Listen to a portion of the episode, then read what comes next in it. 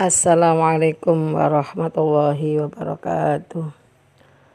Asyhadu an la ilaha illallah wa asyhadu anna Muhammadar Rasulullah. Alhamdulillah nikmat Allah. Mudah-mudahan pagi hari ini kita semuanya selalu dalam lindungan Allah. Mudah-mudahan selalu dijaga oleh Allah dan dibimbing oleh Allah dan kita semuanya sebagai pengikut Rasul mudah-mudahan kita dapat syafaatul uzma kenikmatan yang luar biasa. Alhamdulillah pada pagi hari ini lama Umi tidak berikan kajian atau materi suara suara Umi. Alhamdulillah pagi hari ini mari kita bersama-sama merasakan muhasabah bagaimana kita jadi wanita agar dirindukan oleh surga wanita yang seperti apa? Yaitu wanita yang bisa aqimis sholat, mendirikan sholat. Kenapa Umi mengatakan seperti ini?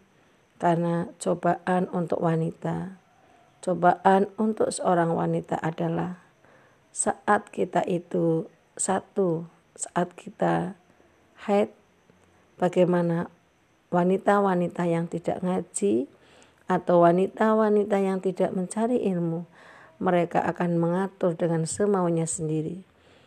Apalagi kadang-kadang yang pasti dan mesti tidak ada orang yang tidak percaya. Saat ada seorang wanita yang head mengatakan, saya belum bersih, saya belum suci. Bisa jadi suci kita harusnya jam 9 malam atau waktu Isya karena kita tidak ngaji, karena kita malas, akhirnya sucinya kita adalah nanti aja jam 6 pagi. Kita sudah meninggalkan sholat isya, sudah meninggalkan sholat maghrib, sudah meninggalkan sholat subuh. Di sinilah seorang wanita kalau sampai seperti ini kita jauh dari surga. Kalau kita memiliki ilmu, kita nggak hati-hati, kita bisa meninggalkan sholat. Dengan alasan apa? Ya tadi, menggeser waktu-waktu atau masa-masa suci. Sama, di dalam masa nifas kita pun sering sekali.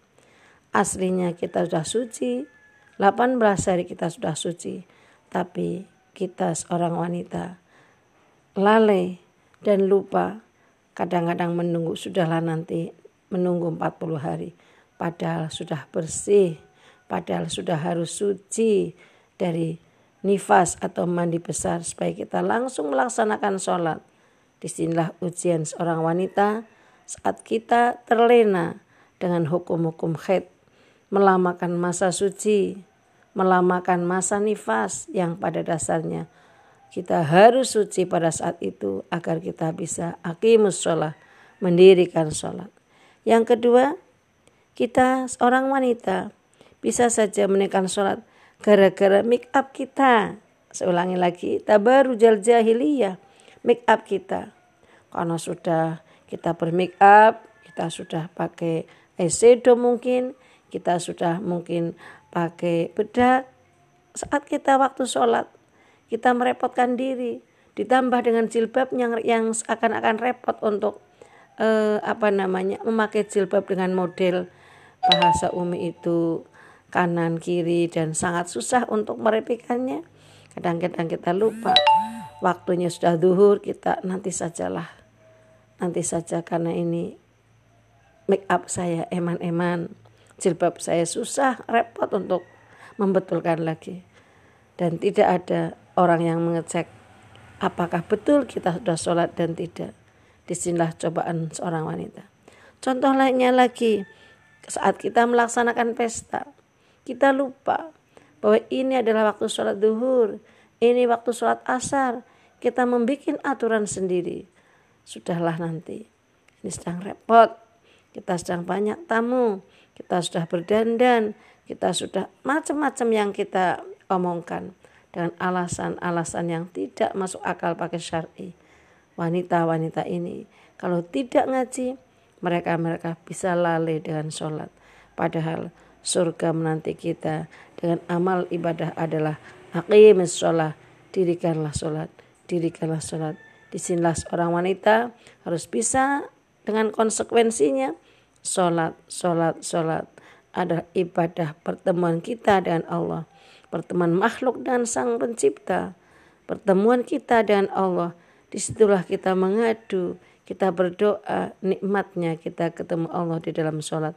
Apa jangan lupa surga menanti kita dengan jalan akimus sholat di antaranya dan cobaan kita adalah saat kita menggeser waktu head, saat kita menggeser waktu nifas, dan saat kita berdandan atau kita bermake up, akhirnya kita lalai. Cuma sepele urusan dunia.